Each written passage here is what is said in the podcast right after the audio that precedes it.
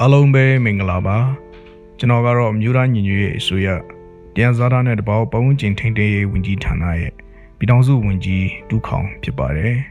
2021 April 16ရက်မှာစတင်ဖွဲ့စည်းခဲ့သောမြို့သားညီညွတ်ရေးအစိုးရ National Unity Government ဟာ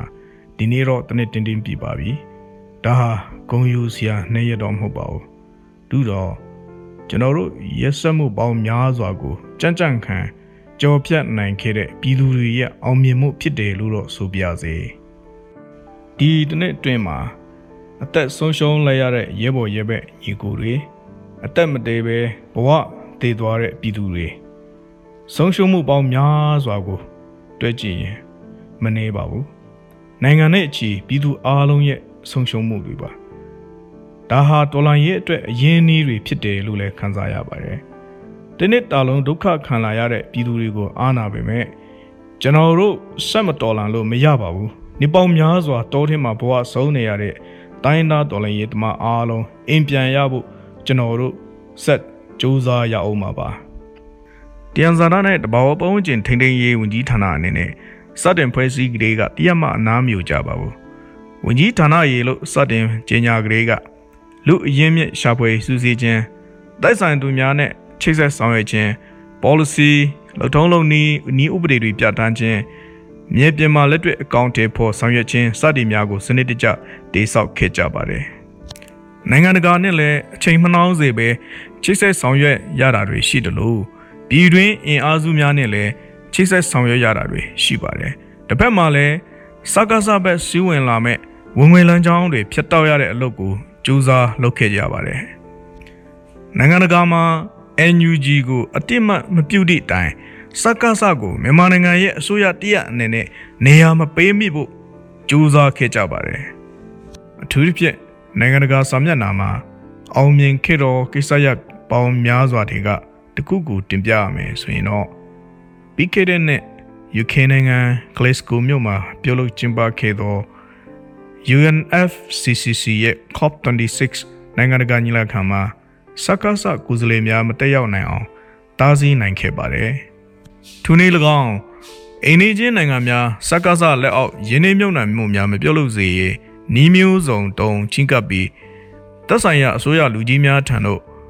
တည်င်းစကားပါနိုင်ခဲ့ပါတယ်။ပြည်တွင်ပြည်ပလုပ်ငန်းရှင်များကိုလည်းနီးမျိုးစုံချင်းကပ်ပြီးစက္ကစကိုဝင်ငွေမရှာပေးမိဖို့နိုးစော်တိုက်တွန်းနိုင်ခဲ့ပါတယ်။အခုဆိုရင် စကိုင်းတိုင်းမကွေးတိုင်းနဲ့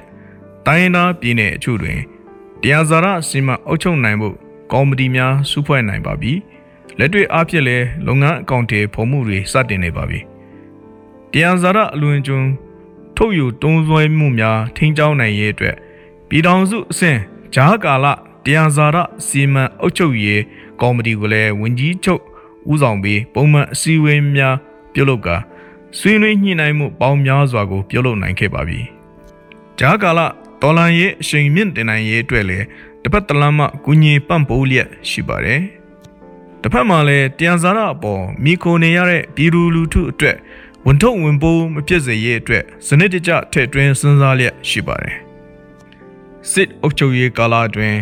တဘာဝတန်စာရဆုံးရှုံးနေနာကြတော့တိတ်တိတ်ထောက်ထားများစူးစီးထားသောစားဆောင်များကိုလည်းထုတ်ဝေနိုင်ခဲ့ပါတယ်။